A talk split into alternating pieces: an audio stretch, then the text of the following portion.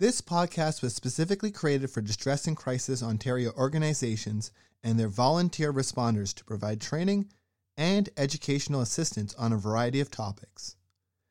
As information evolves and changes, these podcasts are meant to offer ongoing support with the goal of updating them on an ongoing basis.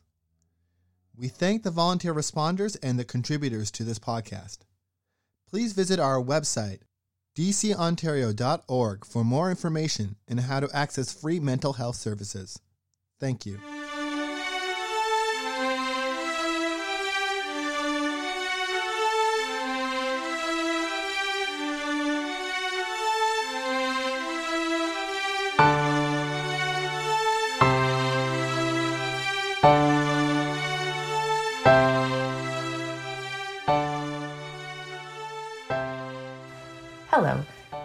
Caitlin Plant, and I am the Program Manager at Distress and Crisis Ontario. Thank you for choosing to listen to our podcast. We really appreciate it. Today, we are revisiting the topic of self compassion, this time with my daughter. As always, I will not be sharing her name to protect her privacy, but I am very grateful to have the opportunity to have conversations like this with her in a format that can hopefully help others as well. Fair warning, both of us have a bit of a head cold, so we might be a little bit sniffly. Our voices might sound a little bit off, and we apologize in advance for that. Um, if, after listening to this episode, you would like to learn more about self compassion, you should scroll back through our past episodes to May of 2022 and listen to the episode titled On Self Compassion to hear a past student intern and her professor discuss the topic as well. So, thank you for having this conversation with me. Without giving you any context or information about self compassion to begin with, what do you think of when I say self compassion? Um, I more or less think of like self love, self acceptance, just self care, more or less. Being kind to yourself, all that kind of stuff. Yeah. Treat yourself how you would expect to treat others. Yep, that makes sense. Yeah.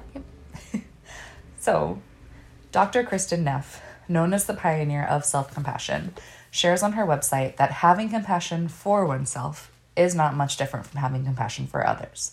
So instead of just ignoring what you're going through, having a quote, stiff upper lip mentality, you should stop to tell yourself, hey, this is really difficult right now, and ask how you can comfort and care for yourself in whatever moment you're going through.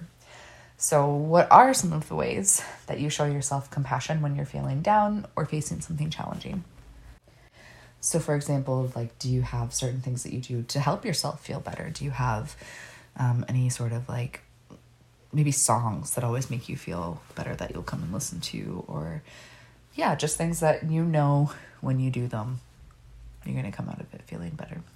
I mean, just like everybody, there's that one song where you can put on loop and just scream it, yell it, whatever, whisper it in your head. Doesn't matter, but you know all the lyrics. There's just something you can do. So I mean, I have one of those.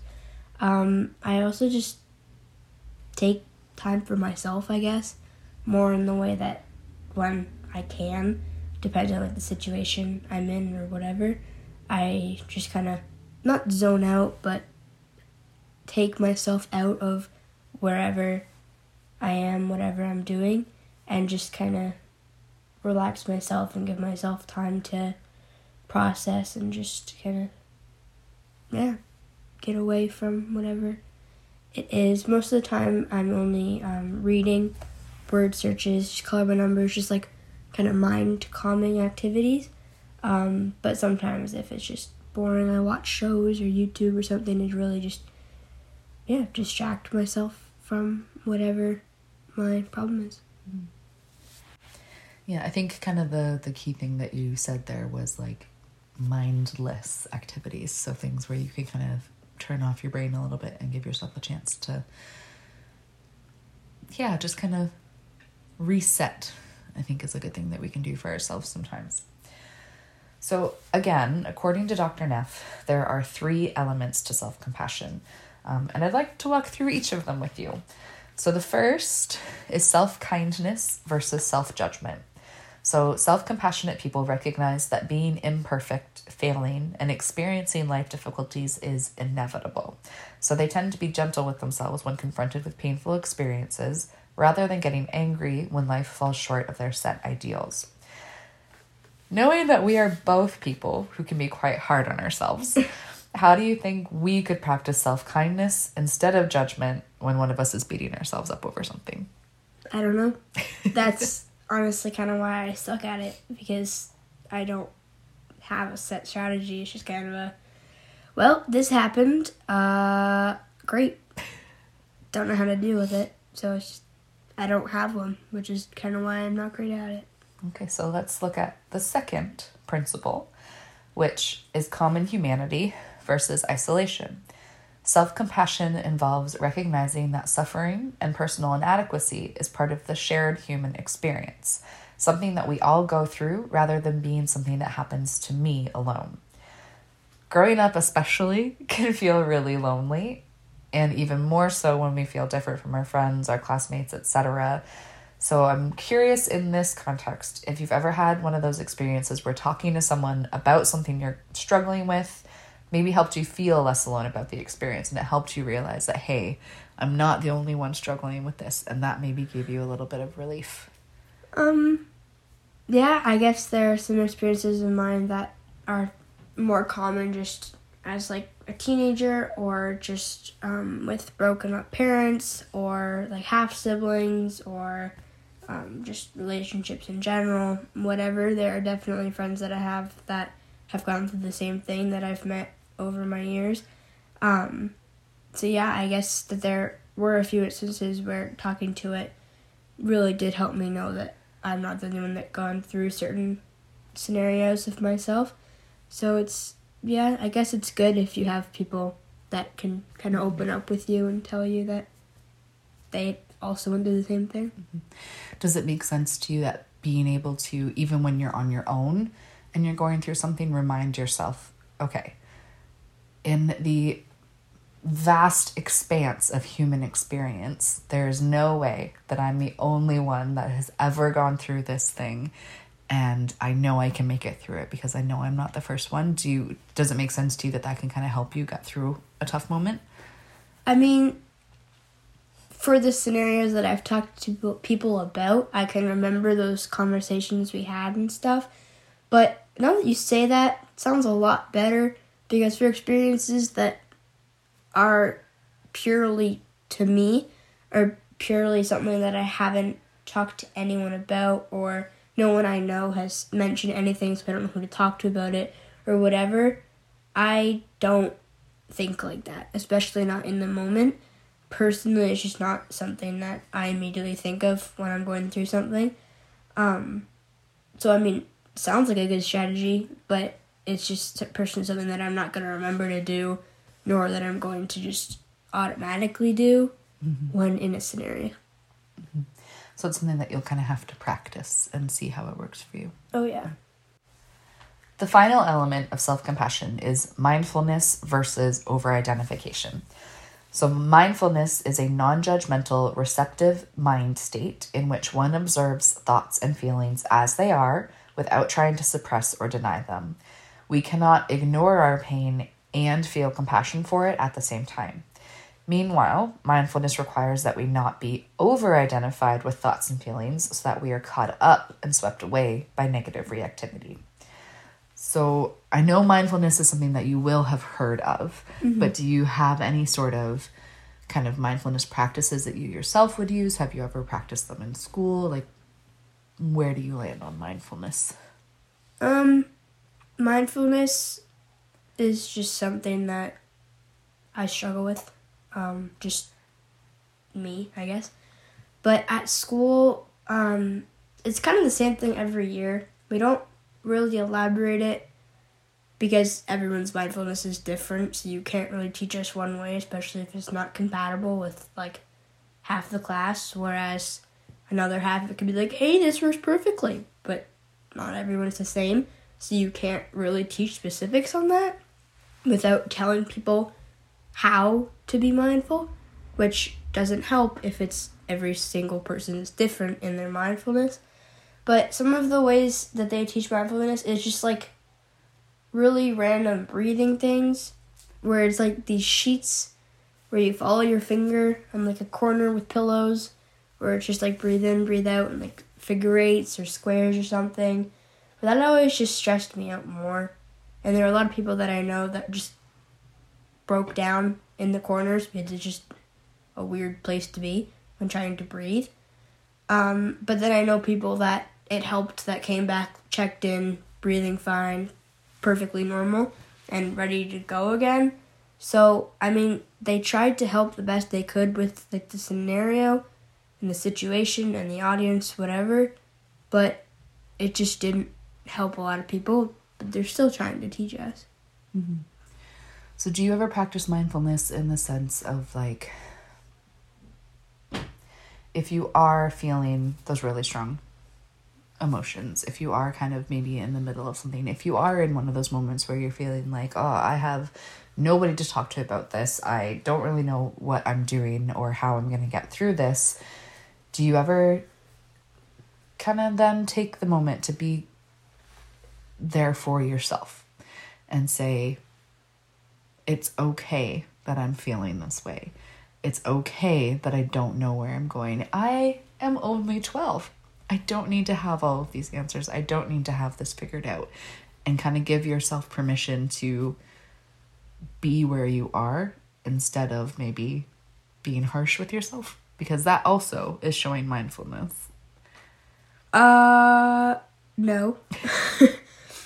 I am very tough on myself when it comes to stuff like that and it's just I struggle a lot with giving myself permission to just feel this way, whatever way it may be. Um, so, I mean, the best way I can describe what I do is kind of just ignore or overlook what I'm feeling. If it's more negative than positive at the moment, with justified reason. Um, so it's like, I don't know. I'm personally scared of needles. And at school, we have to get like a, not a flu shot. I don't remember what it's called. But there's two of them. So we had to take one already and we have to take one again next year. And as me being scared of needles, I just have a lot of anxiety of going into it knowing how much it hurts from getting the first one to do it next year.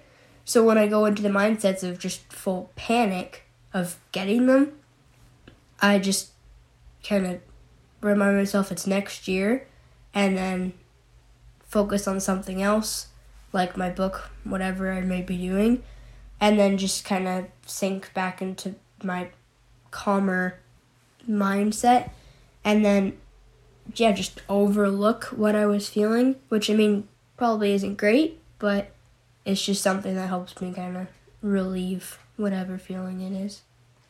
So actually, I think what you just described is a form of mindfulness and that you're not ignoring what you're feeling because you are acknowledging it. You're acknowledging, okay, I am feeling scared, stressed, anxious about this because of XYZ.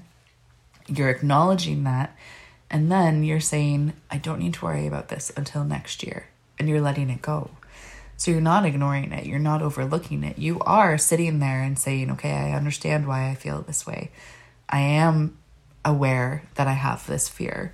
And right now, I'm going to focus on this positive thing instead so that I can step away from this emotion, which is actually a really good way to go about it. So I think I think even in that explanation, you were being hard on yourself by seeing that as something that you weren't doing well at, when actually See, that's not bad. Proof. I have no idea like when I do anything great because I'm so hard on myself, I want to do better, better, better. That it's just like I don't know. So part of why I wanted to have this interview with you, to have this conversation with you, specifically about self compassion, is because obviously, as your mom, I can see when you're being hard on yourself, and as your mom, I kind of know where some of that comes from. And I know that some of it comes from the fact that I am often the same way for myself. And I hope that in having this conversation, we can maybe both be a little bit better at, even if we see the other person is struggling, we can kind of not call each other out on it, but remind each other, hey, take a second to be gentle with yourself. Right? And it doesn't it doesn't have to be a whole take the day. It doesn't have to be a go sit in your room and feel your feelings. Like that's not what this is about either. It's about being able to take that moment to remind ourselves, hey, this is an emotion. It doesn't need to control me. It's okay that I'm feeling this way. And either I can let this go and come back to it later, or I can let this go completely. So, yeah, I think it's just something that we can both both work on definitely Together. better and together. And it's hard. Like I'm not going to sit here and pretend that showing self-compassion is easy and I think most people feel the same way. And I think again in our case we're really good at being compassionate with other people and we're really good at supporting other people and we're not so good at having that same kindness for ourselves. Yeah. And we're definitely not the only ones. No. So, having had this conversation, having learned a little bit more about what self compassion is at the very, very basic core, what do you think of self compassion now? Uh, well, I've learned that I don't really like self compassion. Um, I figured that much out, but I also think it's very closely what I initially thought it was at the beginning. Is it that you don't like self compassion or that you think practicing self compassion would be hard? Both. Okay. I don't like it because it would be hard, but also because it's just something that I know I'm going to struggle with. So I know I'm going to beat myself up with it. So it's going to lead to more need of self compassion, which is just going to loop. Mm-hmm. I think that's fair. Yeah, I think as long as we can be, I think really the key is just that we can all be gentle with ourselves and just know that we're doing the best that we can. And that's really going to make all the difference. So, is there anything else that you'd like to add that we haven't already covered? No. Well, thank you for talking about self compassion with me. To learn more about Dr. Kristin Neff and her work on self compassion, including exploring exercises and practices and building self compassion, which clearly we, we may need, you can visit selfcompassion.org. That's self compassion.org. If you need support for anything else you're struggling with, ONTX and our member centers are here. You can find your nearest center, many of whom operate 24 7, by visiting our website at www.dcontario.org forward slash locations. And ONTX's online chat feature can be accessed from any page of our website using the Looking for Support sidebar. ONTX is available from 2 p.m. to 2 a.m. Eastern Standard Time daily and can also be accessed by texting the word support to 258 258. If you do have any feedback on this podcast or would like to request future content, please use the link in the show notes to fill out our feedback form. We would love to hear from you. Thank you for listening. I hope that you are able to practice self compassion and be kind to yourself this week and always, and that you'll join us again next time. Bye.